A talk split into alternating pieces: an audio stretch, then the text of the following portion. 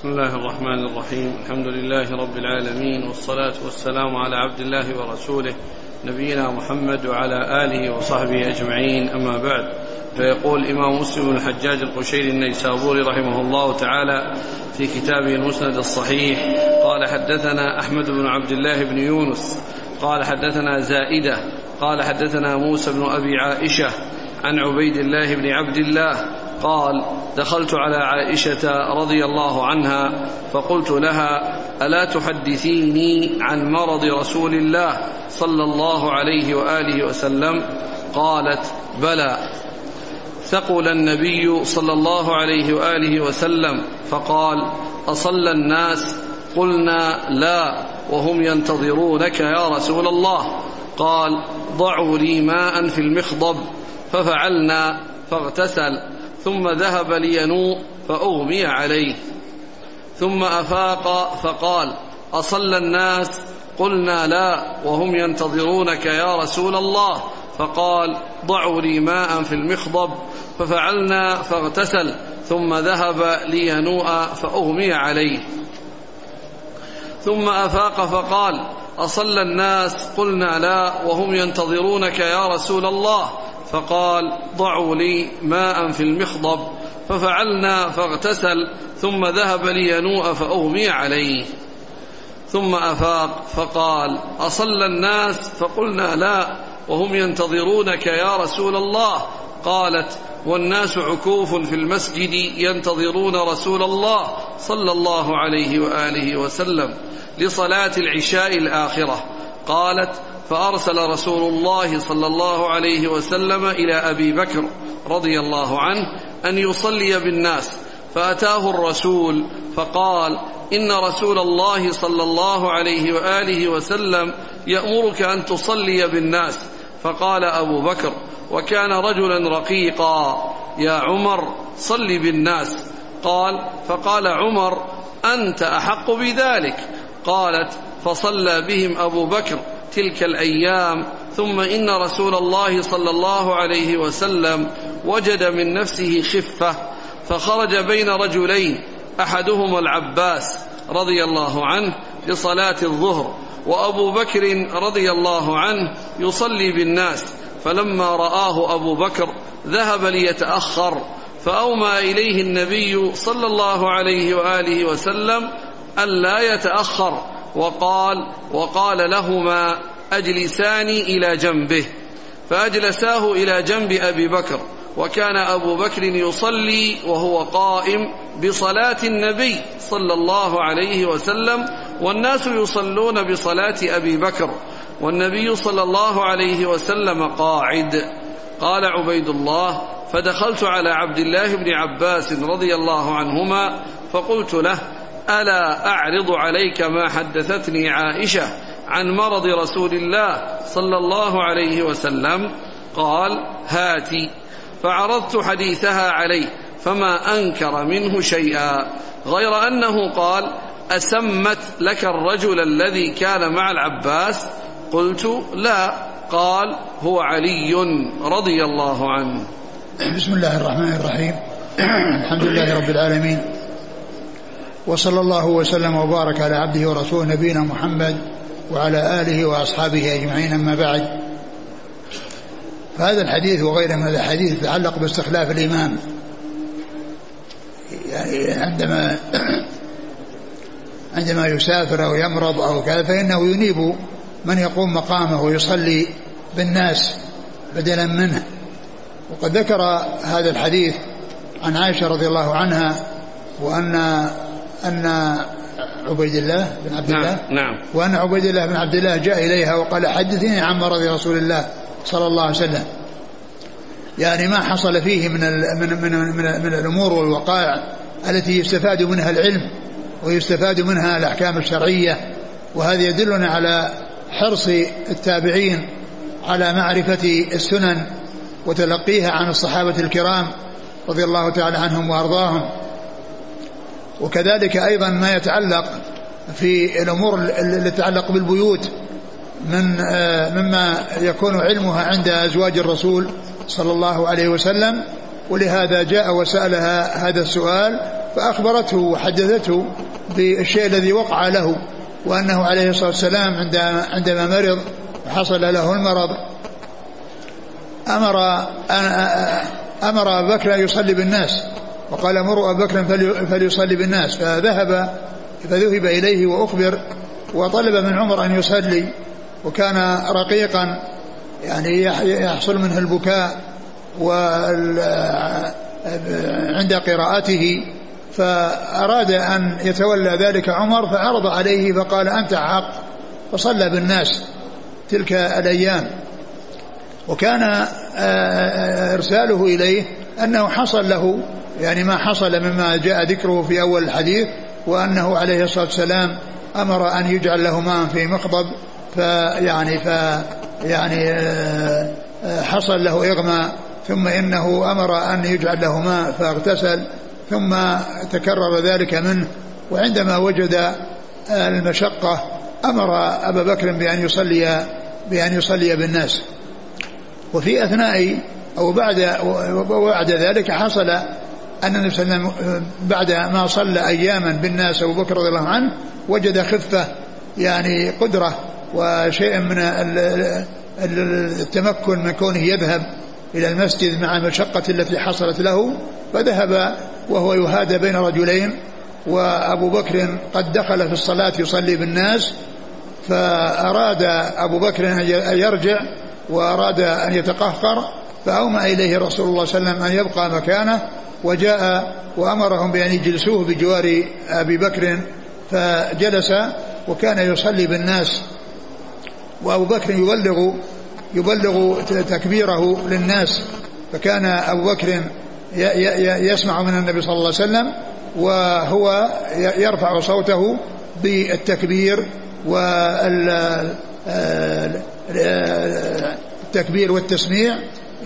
فيأتم أبو بكر برسول الله صلى الله عليه وسلم والناس يأتمون بأبي بكر يعني بكلامه وبصوته وإلا فإن إمامهم رسول الله صلى الله عليه وسلم. إمامهم الرسول عليه, عليه, عليه, عليه الصلاة والسلام. وصلى بهم جالسا وأبو بكر على يمينه قائم والناس وراءه قيام. وهذا يتعلق بصلاة المأمومين وراء القاعد وأنه إذا وأنها وأن هذا حصل في في مرض موته صلى الله عليه وسلم وفي مرضه وكان عليه عليه الصلاة والسلام آه، جاء عنه فيما في فيما تقدم في أنه آه، آه، كان سقط من فرس وجحش شقه الأيمن أي خدش فجاء وقت الصلاة وصلى الناس وراءه وكان جالسا وأمرهم أو أشار إليهم بأن يجلسوا وصلوا وراءه جلوسا وقال إذا ركع فاركعوا وإذا سجد فاسجدوا وإذا صلى جالسا فصلوا جلوسا أجمعين. وفي هذا الحديث آه، أنه كان جالسا وهم وراءه يصلون. فبعض أهل العلم قال إن هذا الذي حصل في آخر الأمر ناسخ لما تقدم وأنه لا يصلي يعني المأموم القادر على على الصلاة وراء إمامه الجالس بل يصلي يعني قائما بل يصلي يعني آه، قائما. وقال إن هذا الحديث الذي حصل في مرض موته أنه ناسخ لما تقدم. ومن العلم من قال إنه ليس بناسخ وإنما ذلك حصل في كونه صلى الله عليه وسلم دخل الصلاة وهو إمامهم جالس ووقفوا وراءه يصلوا فأشار إليهم بأن يجلسوا وأن يصلوا وراءه قعودا وقال إن كنتم أن تفعلوا فعل فارس الروم يقومون على على على رؤوس ملوكهم وهم جلوس. وفي هذا الحديث الذي هو في آخر حياته عليه الصلاة والسلام الذي بدأ أبو بكر الصلاة بالناس وكانوا قائمين وجاء النبي عليه الصلاة والسلام وصلى بجوارهم فصار إماما فاستمروا في صلاتهم يعني وراءه وهو جالس عليه الصلاة والسلام فكان آه، أن آه، استمروا على ما كانوا عليه قبل أن يؤمهم رسول الله صلوات الله وسلامه وبركاته عليه. فمن العلماء من قال إن هذا الأخير ناسخ الأول ومنهم من قال إنه ليس بمنسوخ ولكن ذلك محمول على ما إذا بدأ الإمام بهم الصلاة وهو جالس فإنهم يصلون وراءه جلوسا. وفي هذا يعني كانوا بدأوا الصلاة قياما وجاء النبي صلى الله عليه وسلم بعد دخولهم في الصلاة وتحول أبو بكر من كونه إماما إلى كونه إلى كونه مأموما والإمام الرسول صلى الله, صلى الله عليه وسلم وهو وهو جالس. آه آه ثم بعد ذلك إيش بعده؟ قال بعد هذا قال حدث ابن عباس. قال فقلت فدخلت قال فدخلت على عبد الله بن عباس فقلت له ألا أعرض عليك ما حدثتني عائشة؟ من مرض رسول الله صلى الله عليه وسلم قال هاتي فعرضت حديثها فما أنكر منه شيئا غير قال أسمت لك الرجل الذي كان مع العباس؟ قلت لا قال هو علي. ثم ذكر يعني أن عبيد الله بن عبد الله ذكر لابن عباس هذا الذي حدثته بعائشة فأقره ولم ينكر منه شيئا إلا أنه قال هل ذكرت لك الرجل الذي كان مع العباس؟ فقال لا قال إنه علي رضي الله عنه. وعدم ذكر عائشة لعلي رضي الله عنه ليس فيه شيء يعني آه أن في نفسها شيء على علي رضي الله عنه وأن وأنها يعني لم ترد ذكره. وقد سبق أن مر بنا الحديث الذي يعني يتعلق بالحديث الذي يتعلق بمدة المسح على الخفين وأن رجلا سألها وقال آه، آه، أخبرها أن تحدثه عن عن مسح الرسول صلى الله عليه وسلم على الخفين فقالت اذهب إلى علي واسأله فإنه أعلم مني بذلك. فهذا يدل على أن أن أنه ليس بينها وبينه شيء وأنه قد أثنت عليه وبينت وأرشدت من سألها أن يرجع إليه وقالت إنه أعلم منها بذلك. فيكون عدم الذكر يعني هنا لا يعني يدل يعني على أن في نفسها شيء عليه رضي الله تعالى عنهم وأرضاهم.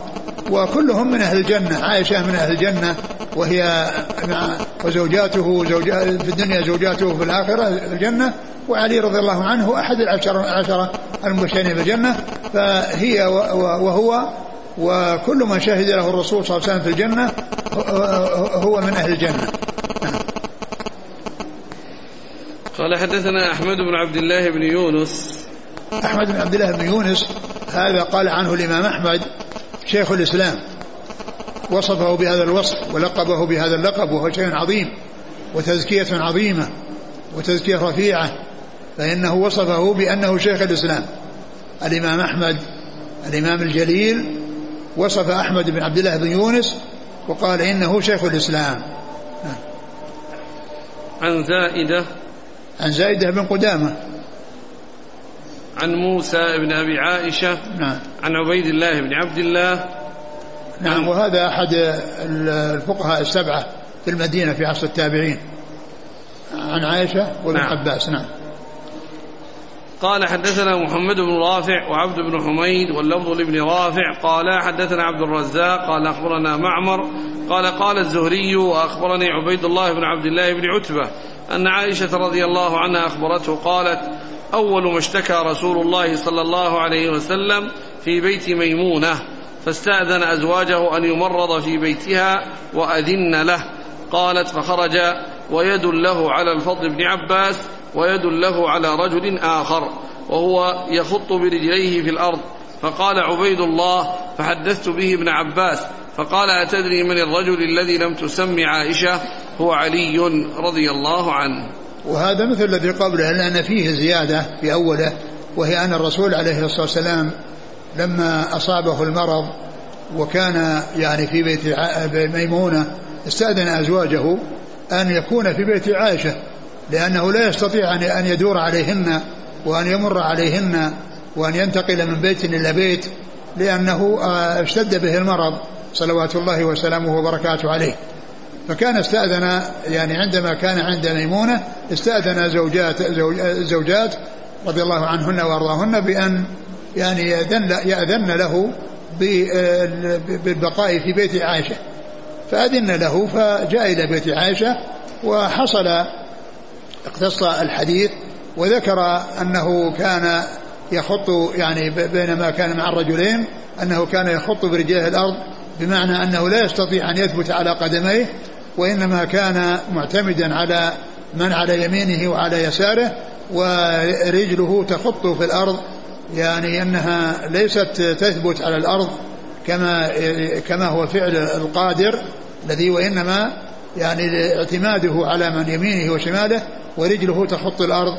يعني معناه أنه يصير مثل الخط الذي فيها لأنه ليس يأتي كل خطوة على حدة وإنما الرجل تخط. ويظهر أثرها في الأرض.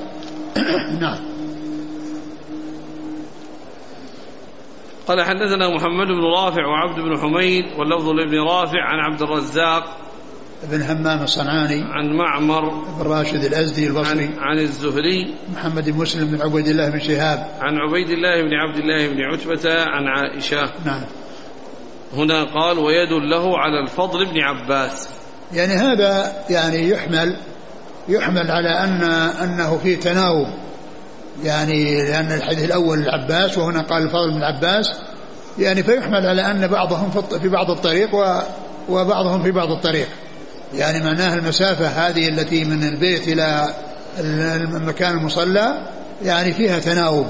لأنه جاء العباس وجاء الفضل بن عباس نعم.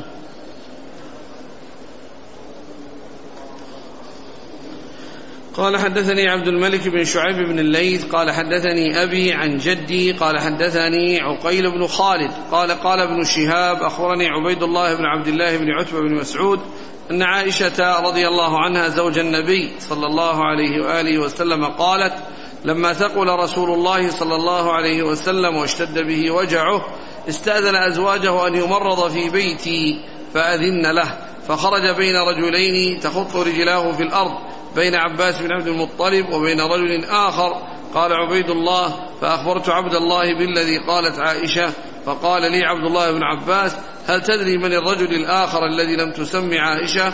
قال قلت لا قال ابن عباس هو علي رضي الله عنه. نعم. قال حدثني عبد الملك بن شعيب بن الليث عن أبيه عن جده نعم. عن عقيل بن خالد. عقيل بن خالد بن عقيل.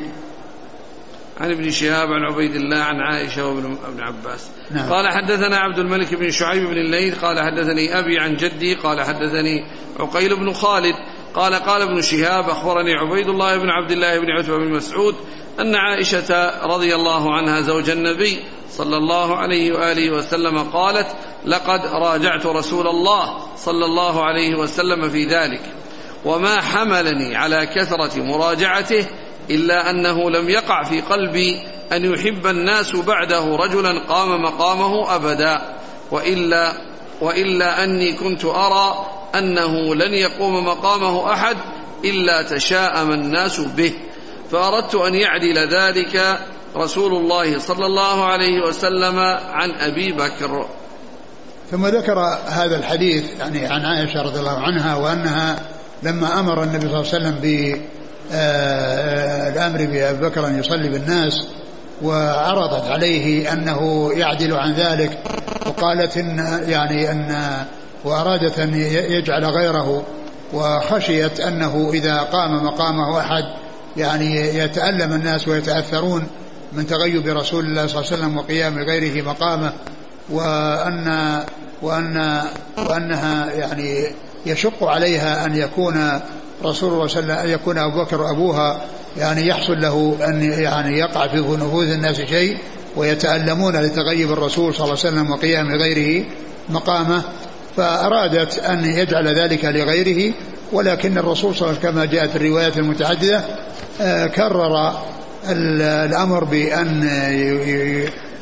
بأن يؤمر أبو بكر بأن يصلي بالناس فتم ذلك وحصل ما أراده رسول الله صلى الله عليه وسلم. فصلى أبو بكر بالناس المدة التي بقيت و وقد مر أن الرسول عليه السلام وجد خفة فخرج وإلا فإن أبو بكر هو الذي كان مستمرا في الصلاة من حين أمره النبي عليه الصلاة والسلام بأن يصلي بالناس. وهذا من أوضح الأدلة الدالة على أن أبا بكر هو أولى الناس بالخلافة من بعد رسول الله عليه الصلاة والسلام. ولهذا قال عمر رضي الله عنه يوم السقيفة رضيك رسول الله صلى الله عليه وسلم لأمر ديننا أفلا نرتضيك لأمر دنيانا؟ نعم. قال حدثنا محمد بن رافع وعبد بن حميد واللفظ لابن رافع. قال حدثنا قال عبد أخبرنا وقال ابن رافع حدثنا عبد الرزاق قال أخبرنا معمر قال الزهري وأخبرني حمزة بن عبد الله بن عمر عن عائشة رضي الله عنها أنها قالت لما دخل رسول الله صلى الله عليه وسلم بيتي قال مروا أبا بكر فليصلي بالناس قالت فقلت يا رسول الله إن أبا بكر رجل رقيق إذا قرأ القرآن لا يملك دمعه فلو أمرت غير أبي بكر قالت والله ما بي إلا كراهية أن يتشاءم الناس بأول من يقوم في مقام رسول الله صلى الله عليه وسلم. قالت فراجعته مرتين أو ثلاثا فقال ليصلي بالناس أبو بكر فإن كنا صواحب يوسف. ثم ذكر هذا الحديث عن عائشة رضي الله عنها وأن الرسول عليه الصلاة والسلام لما دخل بيتها يعني بعدما استأذن نساءه وأذن له أن يكون في بيت عائشة وكان اشتد عليه المرض ولم يستطع الخروج فقال مروا أبا بكر فليصلي بالناس. فراجعته عائشة وكان قالت إنه رجل أسيف وأنه يعني معناه أنه رقيق القلب وأنه كثير البكاء وأنه في قراءته يحصل منه البكاء فعرض عليه يعني هذا الشيء الذي آه، أظهرت بأنها يعني تريده وهي تريد يعني شيئا آخر أخبرت به وهو أنها لا تحب أن يقف أو يقوم أبو بكر أبوها أبو بكر رضي الله عنه مقام رسول الله صلى الله عليه وسلم فيحصل التأثر والتألم من الناس لوجود من قام مقامه وحصول آه، آه، حصول تغيبه صلى الله عليه وسلم وقيام غيره مقامه فهي أرادت أظهرت أنها قصدها أنه آه، رقيق وأنه أسيف وأنه يعني شديد الحزن والبكاء وهي وأخفت الشيء الذي تعنيه وهو أن لا يقع في نفوس الناس شيء, شيء على أبي بكر رضي الله تعالى عنه. ولهذا قال إن كنا صواحب يوسف يعني يظهرنا شيء ويردنا شيء آخر. نعم. قال حدثنا محمد بن رافع عبد بن حبيب وعبد بن حميد عن عبد الرزاق عن معمر عن الزهري عن حمزة بن عبد الله بن عمر. نعم. عن عائشة. نعم. قال حدثنا أبو بكر بن أبي شيبة قال حدثنا أبو معاوية ووكيع ها قال وحدثنا يحيى بن يحيى واللفظ له.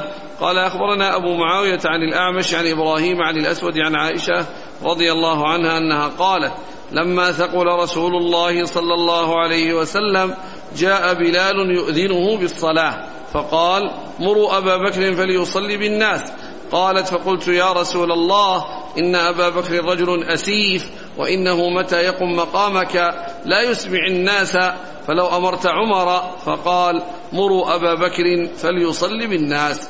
قالت فقلت لحفصة قولي له إن أبا بكر رجل أسيف وإنه متى يقم مقامك لا يسمع الناس. فلو أمرت عمر فقالت له فقال رسول الله صلى الله عليه وسلم إن كن لأنتن صواحب يوسف. مروا أبا بكر فليصلي بالناس. قالت فأمروا أبا بكر يصلي بالناس. قالت فلما دخل في الصلاة وجد رسول الله صلى الله عليه وسلم من نفسه خفة فقام يهادى بين رجلين ورجلاه تخطان في الأرض. قالت فلما دخل المسجد سمع أبو بكر حسة ذهب يتأخر فأومى إليه رسول الله صلى الله عليه وسلم قم مكانك. فجاء رسول الله صلى الله عليه وآله وسلم حتى جلس عن يسار أبي بكر. قالت فكان رسول الله صلى الله عليه وآله وسلم يصلي بالناس جالسا وأبو بكر قائما يقتدي أبو بكر بصلاة النبي صلى الله عليه وسلم ويقتدي الناس بصلاة أبي بكر. ثم ذكر هذا الحديث من طرق من طريق أخرى وهو مثل الحديث الأول. وفيه زيادة أن عائشة رضي الله عنها طلبت من حفصة أن تقول للرسول صلى الله عليه وسلم مثل ما قالت وأن الرسول عليه الصلاة والسلام أجاب أجابها كما أجاب عائشة وأن أن بتأكيد الأمر بأن يصلي أبو بكر في الناس وقال إن كنا يعني صواحب يوسف وأنه وجد خفة. ومعلوم أن أن, أن هذا فيه اختصار وذلك أن الأمر الذي حصل بكونه الأمر الأول أنه كان موجودا من قبل ولهذا صلى بالناس مدة كما سبق المرة في الحديث السابق ثم ذكر أنه وجد خفة وهذا يعني بعد أيام يعني وليس في المرة الأولى لأن الأول الحديث الأول مفصل وأنه يعني صلى بالناس مدة وأنه في يوم من الأيام وجد عليه السلام خفة وخرج يعني إلى المسجد فسمع أبو بكر حسه يعني الحركة أو يعني سمع صوتا لرسول الله فهم منه أنه جاء وأنه أراد أن يتأخر فأمره عليه الصلاة والسلام يبقى مكانه ثم جلس الرسول صلى الله عليه وسلم على يسار أبي بكر فصار النبي صلى الله عليه وسلم يصلي بالناس وأبو بكر يعني يبلغ الناس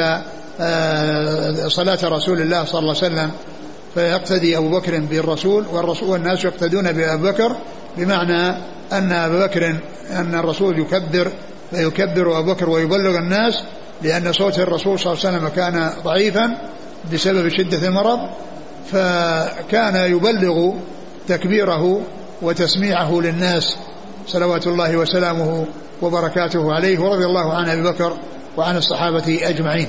نعم. قال حدثنا أبو بكر بن أبي شيبة عن أبي معاوية محمد بن خازم الضرير الكوفي ووكيع بن الجراح الرؤاسي. قال وحدثنا يحيى بن يحيى عن أبي معاوية عن الأعمش سليمان بن مهران الكاهلي. عن إبراهيم النخعي. عن الأسود النخعي. عن عائشة نعم.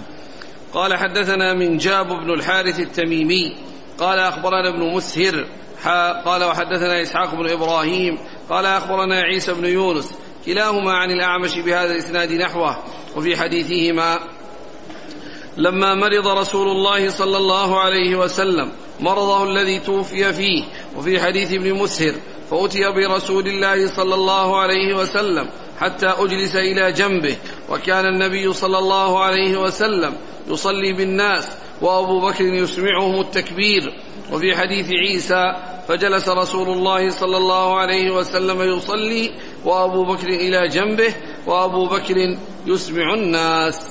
نعم ثم ذكر هذا الحديث وهو مثل ما تقدم. قال حدثنا من جاء بن الحارث التميمي نعم. عن ابن مسهر. علي بن مسهر. حا قال وحدثنا إسحاق بن إبراهيم عن عيسى بن يونس عن الأعمش بهذا نعم. الإسناد. نعم. قال حدثنا أبو بكر بن أبي شيبة وأبو كريب قال حدثنا ابن نمير عن هشام حا قال وحدثنا ابن نمير وألفاظهم متقاربة. قال حدثنا أبي قال حدثنا هشام عن أبيه عن عائشة رضي الله عنها أنها قالت أمر رسول الله صلى الله عليه وآله وسلم أبا بكر أن يصلي بالناس في مرضه فكان يصلي بهم. قال عروة فوجد رسول الله صلى الله عليه وسلم من نفسه خفة فخرج. وإذا أبو بكر يؤم الناس فلما رآه أبو بكر استأخر فأشار إليه رسول الله صلى الله عليه وسلم أي كما أنت. فجلس رسول الله صلى الله عليه وسلم حذاء أبي بكر إلى جنبه فكان أبو بكر يصلي بصلاة رسول الله صلى الله عليه وسلم والناس يصلون بصلاة أبي بكر. نعم. وهذا مثل ما تقدم. قال حدثنا أبو بكر بن أبي شيبة وأبو كريب. محمد بن العلاء بن كريب. عن ابن نمير. وهو وهو عبد الله بن نمير. عن هشام. هشام بن عروة. قال وحدثنا ابن نمير. محمد بن عبد الله. عن أبيه عن هشام عن أبيه. نعم. عن عائشة. نعم. قال حدثني عمرو الناقد وحسن الحلوان وحسن الحلواني وعبد بن حميد قال عبد أخبرني. وقال الآخران حدثنا يعقوب وهو ابن إبراهيم بن سعد. قال وحدثني أبي عن صالح عن, أبي عن ابن شهاب. قال أخبرني أنس بن مالك رضي الله عنه أن أبا بكر رضي الله عنه كان يصلي لهم في وجع رسول الله صلى الله عليه وسلم الذي توفي فيه حتى إذا كان يوم الاثنين وهم صفوف في الصلاة كشف رسول الله صلى الله عليه وسلم ستر الحجرة فنظر إلينا وهو قائم كأن وجهه ورقة مصحف. ثم تبسم رسول الله صلى الله عليه وسلم ضاحكا قال فبهتنا ونحن في الصلاة.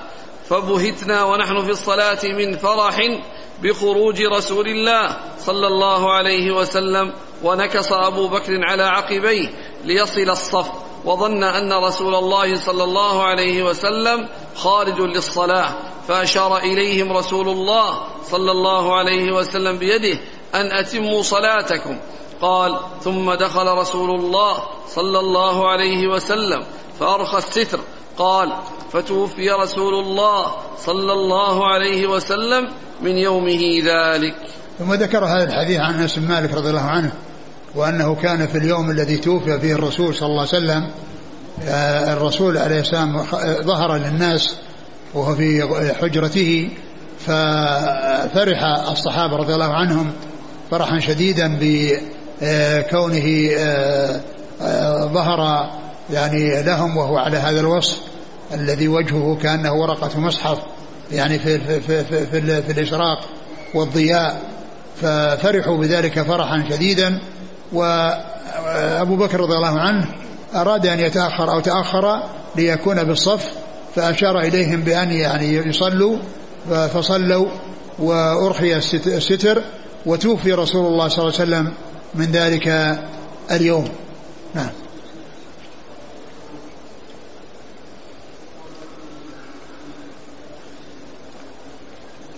قال حدثني عمرو الناقد وحسن الحلواني وعبد بن حميد. نعم. عن يعقوب هو ابن إبراهيم بن سعد. نعم. قال عن أبيه نعم. عن صالح ابن كيسان. عن ابن شهاب عن أنس بن مالك. نعم. قال وحدثنيه عمرو الناقد وزهير بن حرب. قال حدثنا سفيان بن عيينة عن الزهري عن أنس.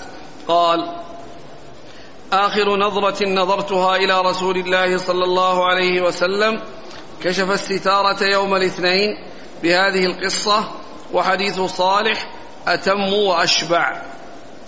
ثم ذكر هذا الحديث من طريق أخرى وفيه أن أنس قال إن هذه آخر نظرة نظرها إلى رسول الله صلى الله عليه وسلم ويعني طبعا وهو حي يعني في حياته.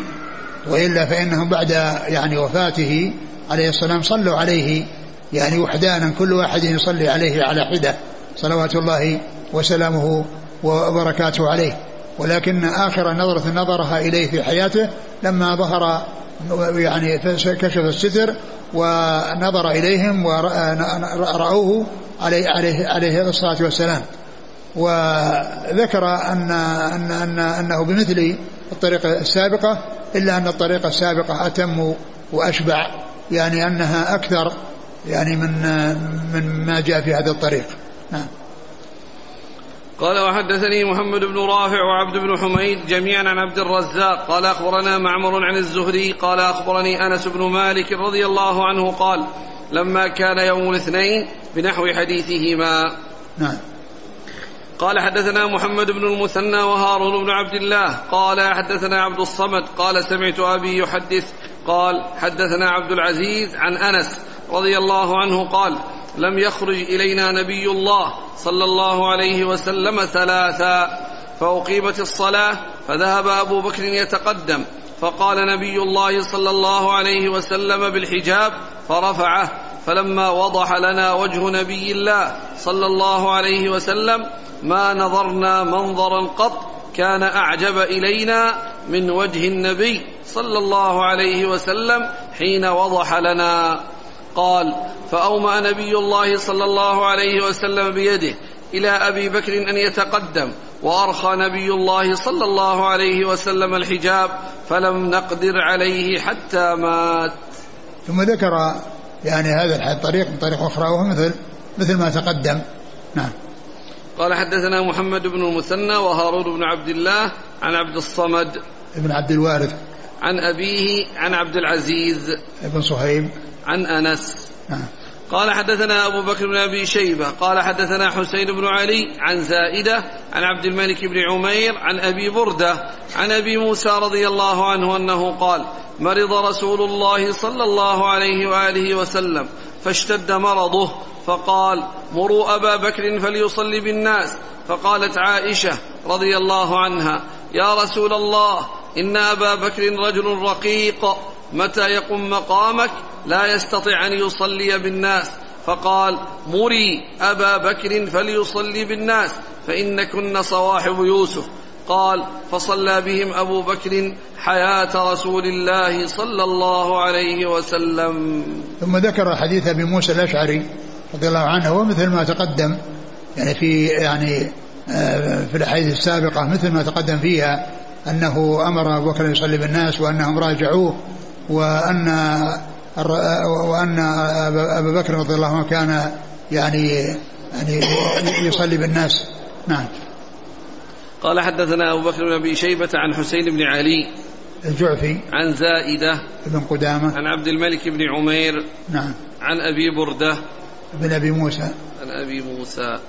قال رحمه الله تعالى حدثني يحيى بن يحيى قال قرأت على مالك عن أبي حازم عن سهل بن سعد الساعدي رضي الله عنه أن رسول الله صلى الله عليه وسلم ذهب إلى بني عمرو بن عوف ليصلح بينهم.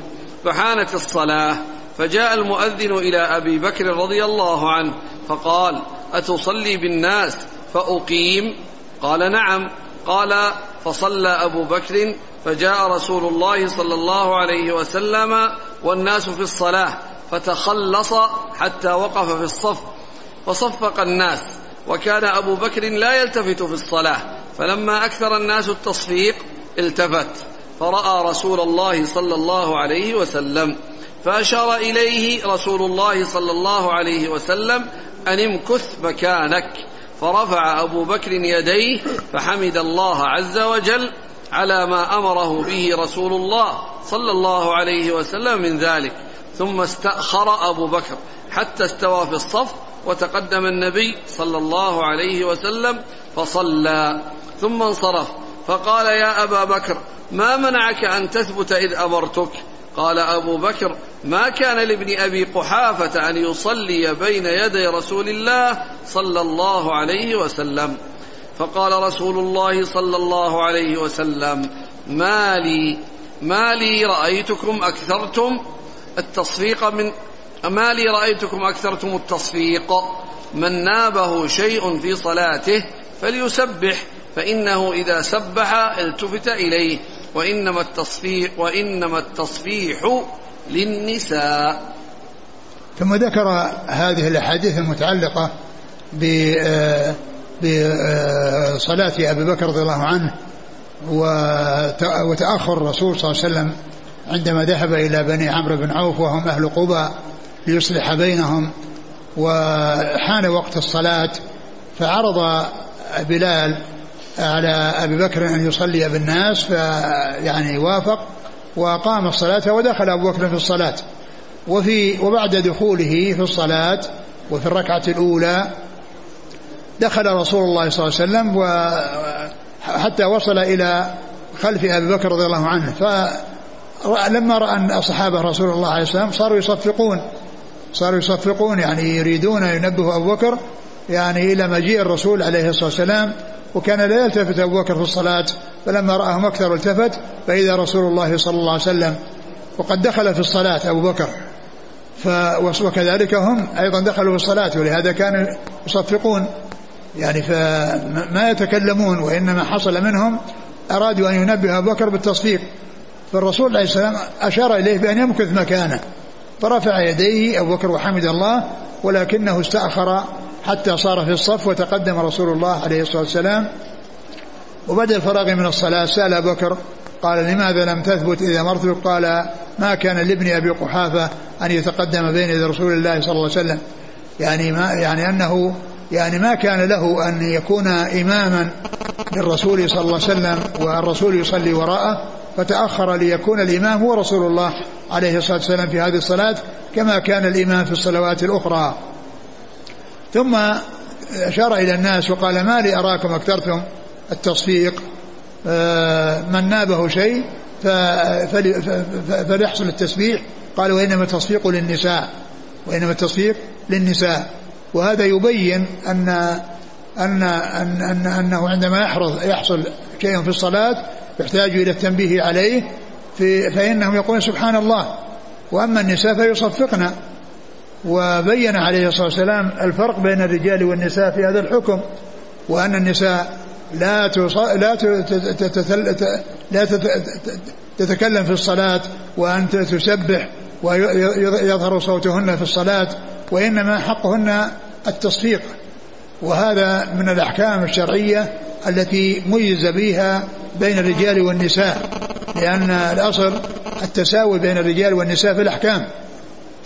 إلا ما جاء خاصا بالنساء فيكون للنساء وما جاء خاصا بالرجال فيكون للنساء للرجال وما كان يعني جاء فيه تفريق بين الرجال والنساء بأن يكون النساء الرجال لهن كذا والنساء لهن كذا فإنه يصار إلى التفريق الذي جاء عن رسول الله عليه الصلاة والسلام ومن ذلك ما جاء في هذا الحديث أن النساء في الصلاة يصفقن والرجال يسبحون والرجال يسبحون.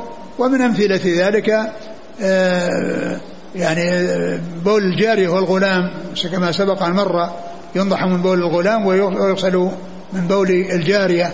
وكذلك أيضا ما جاء في الكتاب العزيز من أن أن أن المرأة على النصف من الرجل في الميراث وكذلك شهادة الرجل يعني المرأة يعني الرجل بشهادة امرأتين. وجاء في السنة آه، آه، أن أن أن أن أن أن المرأة على الدية دية المرأة على نصف دية الرجل وأنها على النصف منه في العقيقة يعني بحيث يعق عن الغلام جاريتين وعن الجاء عن الغلام شاتين وعن الجارية شاة واحدة. وكذلك أيضا في العتق بأن من أعتق آه، عبدا كان فكاكة من النار ومن أعتق جاريتين كانتا فكاكة من النار وهي خمسة عند العلماء النساء على النصف فيها من الرجال وهي الميراث والشهادة والدية والعقيقة والعقيقة والعتق. فهذه خمسة النساء على نصفها على نصفها من الرجال. فإذا الأصل هو التساوي بين الرجال والنساء في الأحكام إلا ما كان خاصا بالنساء فيكون خاصا بهن وما كان خاصا بالرجال يكون خاصا بهن بالرجال خاصا بهم وما كان جاء فيه أن الرجال لهم كذا والنساء لهم كذا فيصار إلى التمييز والتفريق الذي جاءت به السنة عن رسول الله عليه الصلاة والسلام. وقد ذكرت جملة من هذه الفروق التي تكون بين الرجال والنساء في الفوائد المنتقى من فتح الباري وكتب أخرى وهي ورقم الفائدة آه، آه، أربعمائة وثلاث ثمانين يعني ثلاث وثمانين وأربعمائة. هذا هو رقم الفائدة التي فيها ذكر نماذج وأمثلة من ما فرق فيه بين الرجال والنساء في الأحكام في الشريعة. نعم.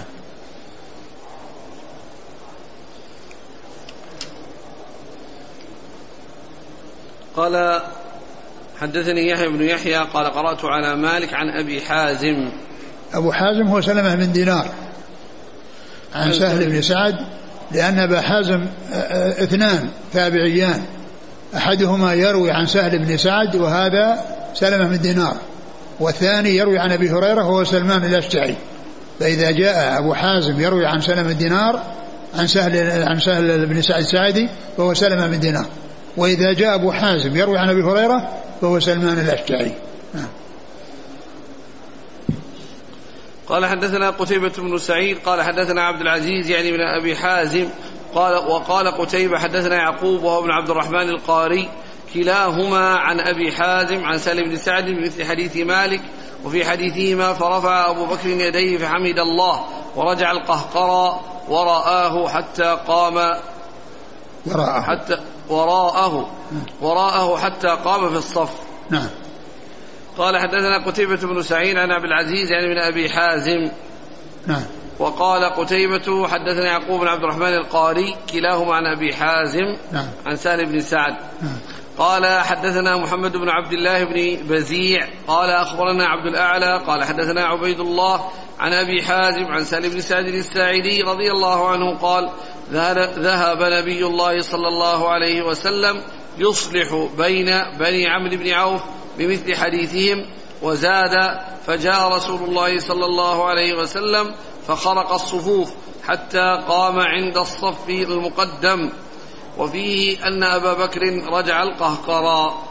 نعم وهذا مثل الذي قبله. قال حدثنا محمد بن عبد الله بن مزيع عن عبد الأعلى. ابن عبد الأعلى. عن عبد عن عبيد الله. العمري. عن أبي حازم عن سلم بن سعد. نعم. قال حدثني محمد بن رافع وحسن بن علي الحلواني جميعا عن عبد الرزاق. قال ابن رافع حدثنا عبد الرزاق. قال أخبرنا ابن جريج. قال حدثني ابن شهاب عن حديث عباد بن زياد أن عروة بن المغيرة بن شعبة أخبره أن المغيرة بن شعبة أخبره أنه غزا مع رسول الله صلى الله عليه وسلم تبوك.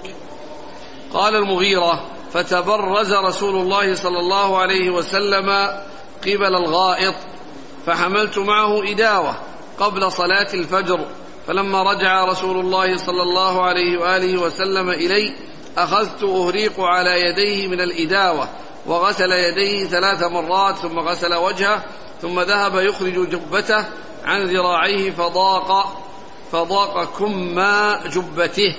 فأدخل يديه في الجبة حتى أخرج ذراعيه من أسفل الجبة وغسل ذراعيه إلى المرفقين ثم توضأ ثم توضأ على خفيه ثم أقبل ثم توضأ؟ على خفيه.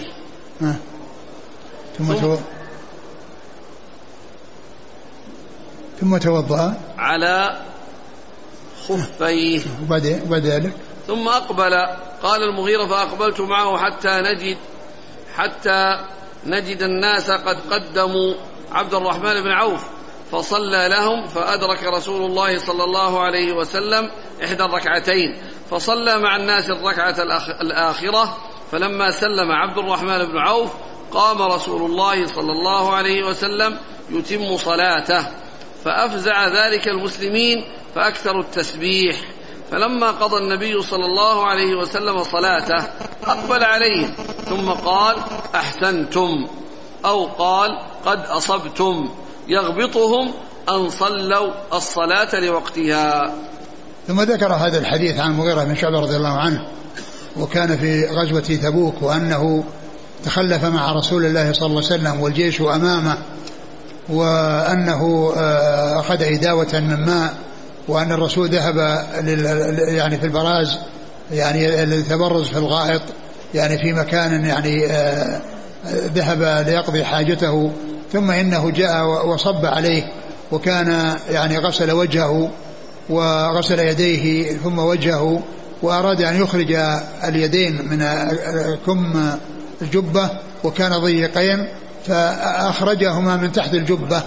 ومعلوم أن أنه عليه لباس آخر يعني يستره ف يعني غسل يديه ثم مسح برأسه ويعني والحديث فيه اختصار أنه لما وصل إلى الخفين يعني أراد المغيرة أن ينزعهما ليغسلهما فقال دعهما فإن يدخلهما طاهرتين ومسح عليهما صلوات الله وسلامه وبركاته عليه ثم إنهم ذهبوا ووجدوا الناس قد دخلوا في الصلاة.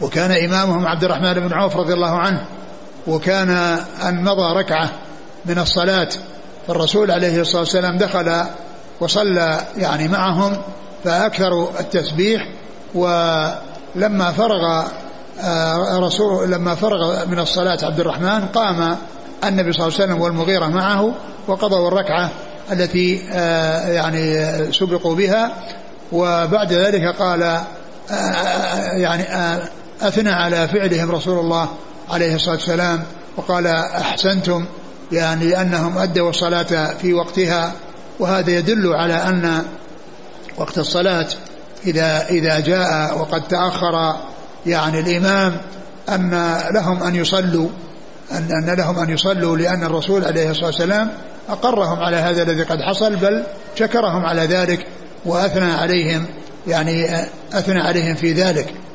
ومعلوم أن أن أن, أن هذه الصلاة تختلف عن صلاتي أبي بكر التي كانت في مرض موته والتي كانت عندما جاء من بني عمرو بن عوف ليصلح بينهم لأن هنا قد فات جزء من الصلاة فدخل مأموما عليه الصلاة والسلام وأكمل الناس صلاتهم وقام يقضي عليه الصلاة والسلام. وأما في آه، الصورتين السابقتين المتعلقة بصلاة أبي بكر عندما كان عند تخلف عند بني عمرو بن عوف لإصلاح بينهم وكذلك في مرض موته فإنه قد فإنهم قد دخلوا في الصلاة وكانوا في أولها. أبو بكر دخل في الصلاة وكان في أولها. ولهذا الرسول صلى الله عليه وسلم صار إمامهم بعد أن دخل أبو بكر في الصلاة في مرض موت النبي عليه الصلاة والسلام وفي الحالة التي كانت تأخر عند بني عمرو بن عوف ليصلح بينهم. فإذا صار الفرق بين هذا وهذا أن هذا ما مضى شيء من الصلاة فصار النبي صلى الله عليه وسلم هو الإمام. وأما في قصة عبد الرحمن بن عوف فإنه قد مضى شيئا من الصلاة فاستمر في صلاته والرسول صلى الله عليه وسلم أقرهم على ذلك وأثنى عليهم. صلوات الله وسلامه وبركاته عليه. نعم. هل يفهم من هذه القصة أن أبا بكر لم يكن موجودا؟ لا أدري. معلوم الرسول صلى الله عليه وسلم كان مع أبو بكر كان معه في غزواته كلها وما تخلف عنه في غزوة من الغزوات لكن يعني آه، آه، هل كان موجود أو غير موجود أو أنه يعني متخلف وراح في مهمة؟ لا ندري الله أعلم. يعني اختيار عبد الرحمن بن عوف لأن السائل يقول كذلك مثلا إن لم يكن أبو بكر لماذا لم يقدم عمر؟ إن لم يكن عمر عثمان. هذا هو الذي حصل. أقول هذا هو الذي حصل ويعني آه، والصحابة يعني قدموا أو هو تقدم بهم وقرهم الرسول صلى الله عليه وسلم على ذلك. وأما يعني كونهم موجودين ولماذا قدموا لا ندري. هل موجودين أو غير موجودين؟ من هو أفضل منه وهم الخلفاء الراشدين الأربعة. نعم.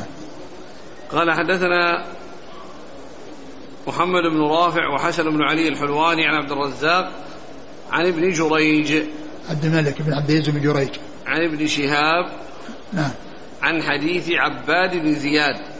يعني عن حديث يعني آه، حول حديث يعني أو آه، أو المتعلق بحديث حب عب حديث عباد بن زياد. بن زياد.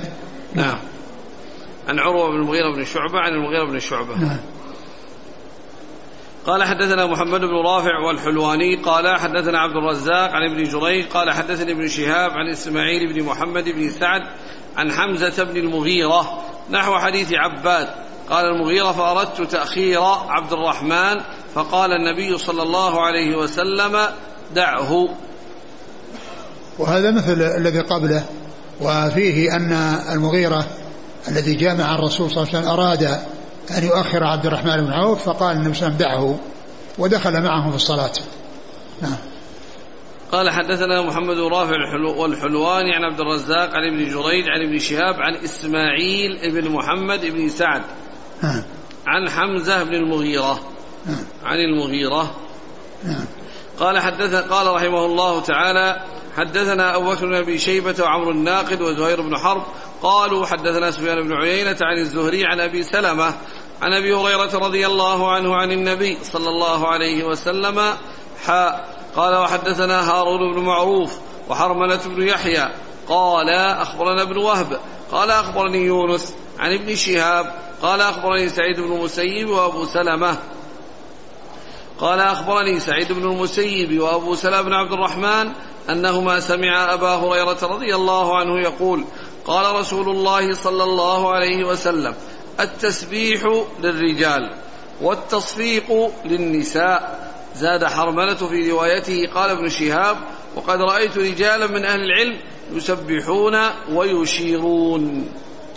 ثم ذكر يعني هذا الحديث المتعلق ب آه، أن التصفيق للنساء والتسبيح للرجال وقد مر في الحديث السابق وهذا فيه أيضا يعني ما في الحديث السابق من أن التمييز بين الرجال والنساء في آه، آه، الصلاة إذا كان إذا كانوا في الصلاة أنها تسبح يسبح الرجل وتصفق المرأة. و وقال قال أبو شهاب رأيت رجالا من أهل العلم يسبحون ويشيرون. رأيت رجالا من أهل العلم يسبحون ويشيرون.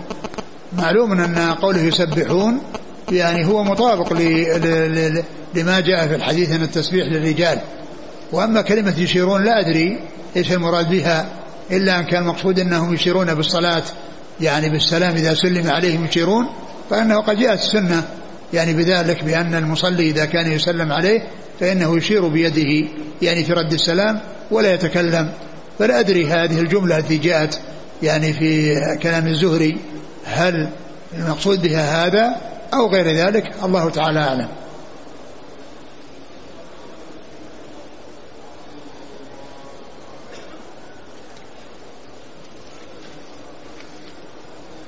قال وحدثنا قتيبة بن سعيد قال حدثنا الفضيل يعني ابن عياض حا قال وحدثنا أبو كريب قال حدثنا أبو معاوية حا قال وحدثنا إسحاق بن إبراهيم قال أخبرنا عيسى بن يونس كلهم عن الأعمش عن أبي صالح عن أبي هريرة رضي الله عنه عن النبي صلى الله عليه وسلم بمثله. نعم. قال حدثنا قتيبة بن سعيد عن الفضيل يعني ابن عياض حا قال وحدثنا أبو كريب عن أبي معاوية حا قال وحدثنا إسحاق بن إبراهيم عن عيسى بن يونس نعم. عن الأعمش عن أبي صالح عن أبي هريرة. نعم. قال حدثنا محمد بن رافع قال حدثنا عبد الرزاق قال أخبرنا معمر عن همام عن أبي هريرة رضي الله عنه عن النبي صلى الله عليه وسلم مثله وزاد في الصلاة. وهذا يعني طريقة أخرى وهذا الإسناد هو إسناد حديث الصحيفة حديث الصحيفة صحيفة همام منبه الذي هو محمد بن رافع عن عبد الرزاق عن معمر عن همام عن أبي هريرة رضي الله تعالى عنه. نعم. هل هذا معنى أن أن أن هذا الحكم إنما هو فقط الصلاة فلا يستدل به على تحريم التصفيق للرجال خارج الصلاة؟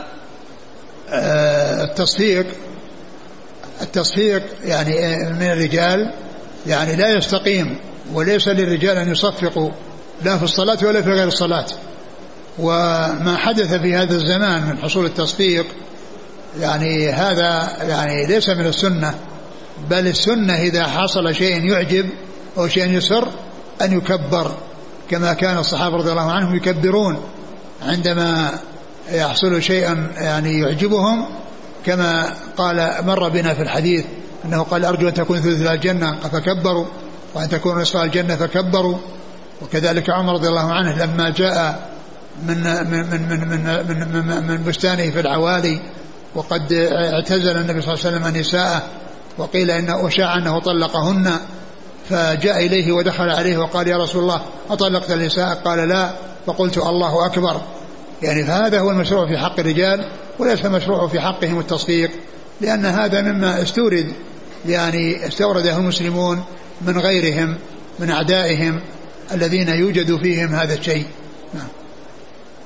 لكن أحسن الله إليك الاستدلال بهذا اللفظ. إنما التصفيق للنساء استدلال به في هذه المسألة. هل هو مناسب؟ أو يقال هذا الاستدلال في غير محله؟ لا لا يعني النساء الرجال يستدل بأن الرجال يصفقون لأن النساء يصفقن؟ أو النساء يصفقن؟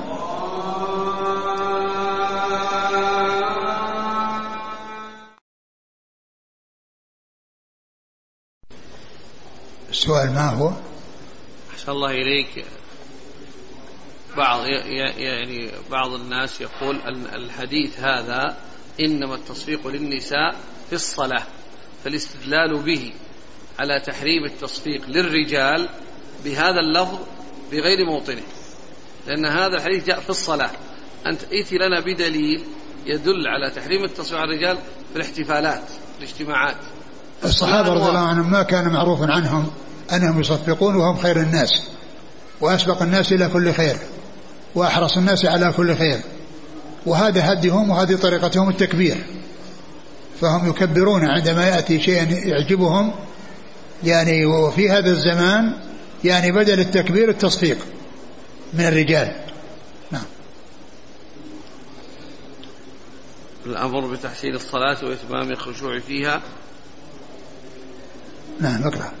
قال رحمه الله تعالى حدثنا أبو كريم محمد بن العلاء الهمداني قال حدثنا أبو أسامة عن الوليد يعني ابن كثير قال حدثني سعيد بن أبي سعيد المقبوري عن أبيه عن أبي هريرة رضي الله عنه قال صلى رسول الله صلى الله عليه وسلم يوما ثم انصرف فقال يا فلان ألا تحسن صلاتك؟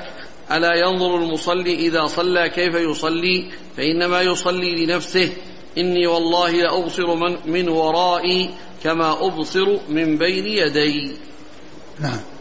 قال حدثنا قتيبة بن سعيد عن مالك بن أنس عن أبي الزناد عن الأعرج عن أبي هريرة رضي الله عنه أن رسول الله صلى الله عليه وسلم قال هل ترون قبلتي ها هنا؟ فوالله ما يخفى علي ركوعكم ولا سجودكم إني لأراكم وراء ظهري. نعم. قال حدثني محمد بن المثنى وابن بشار. قال حدثنا محمد بن جعفر. قال حدثنا شعبة. قال سمعت قتادة, قتادة يحدث عن أنس بن مالك رضي الله عنه عن النبي صلى الله عليه وسلم أنه قال أقيموا الركوع والسجود فوالله إني لأراكم من بعدي وربما قال من بعد ظهري إذا ركعتم وسجدتم.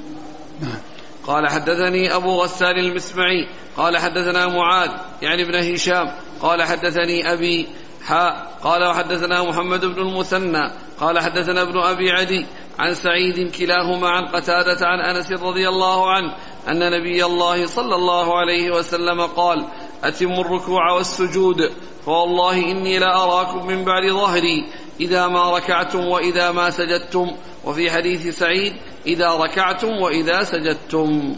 ثم ذكر هذه الأحاديث المتعلقة بأمر الرسول صلى الله عليه وسلم للناس بأن يحسنوا صلاتهم وأن يتموا ركوعهم وسجودهم وأن يقوموا بأداء الصلاة على الوجه المشروع.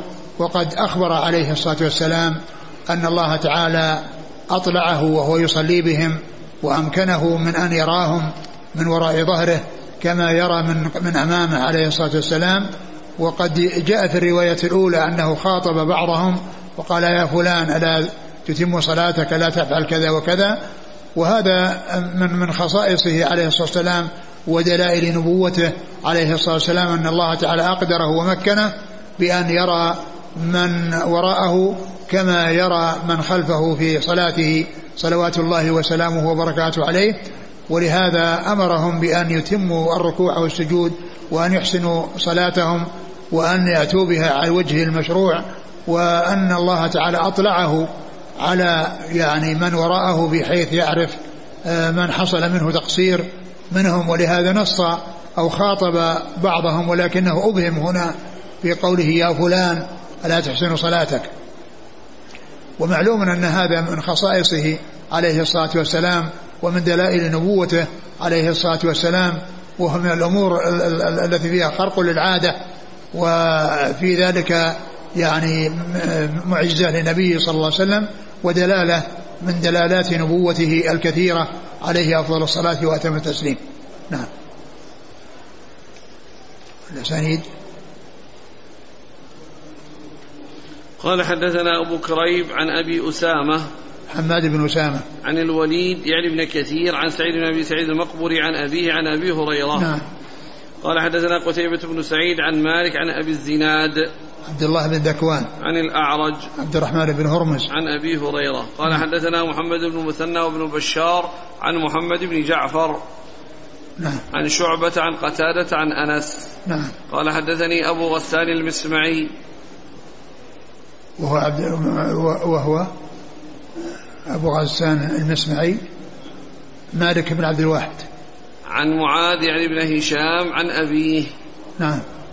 قال وحد قال وحدثنا محمد بن مثنى عن ابن أبي عدي. وهو محمد بن إبراهيم. عن سعيد. عن قتادة. عن نعم. هو سعيد بن أبي عروبة. عن قتادة عن أنس. نعم. انتهى الباب. وش آخر الجملة اللي فيه؟ قال اللفظين. إذا ما ركعتم وإذا ما سجدتم وفي حديث سعيد إذا ركعتم وإذا سجدتم. يعني الفرق بينهما زيادة ما يعني بعد إذا وهذه يؤتى بها أحيانا في بعض يعني في الكلام يعني ب يعني بذكر ما بعد إذا وأحيانا تأتي محذوفة. يعني كما جاء في الرواية الثانية. فكل ذلك مستقيم. يعني أحيانا يؤتى بها زائدة بعد إذا وأحيانا يؤتى يعني يؤتى يؤتى باللفظ بدون زيادتها. والله تعالى أعلم وصلى الله وسلم وبارك على عبده ورسوله نبينا محمد وعلى آله وأصحابه أجمعين. جزاكم الله خيرا وبارك الله فيكم. ألهمكم الله الصواب وفقكم للحق شافاكم الله وعافاكم. نفعنا الله بما سمعنا وغفر الله لنا ولكم وللمسلمين أجمعين. آمين. يقول كيف تصفق النساء في الصلاة؟ بباطن الكف الأيمن على باطن الكف الأيسر أم على ظهر الكف الأيسر؟ ذكر بعض العلماء أنها تصفق الكف ب يعني ظهر بطن كفها الأيمن على ظهر كفها الأيسر. ومنهم من قال إنها على بطن كفها الأيسر بإصبعين من أصابع كفها الأيمن. يقول إذا سبح الإمام وهو يصلي. سبح الإمام نعم. بسبب أن أحد المأمومين جواله يصدر صوت موسيقى عالية. فهل فعله صحيح؟ والله ما أعلم. أقول ما أعلم شيء يدل على هذا. تسبيح لغير الإمام.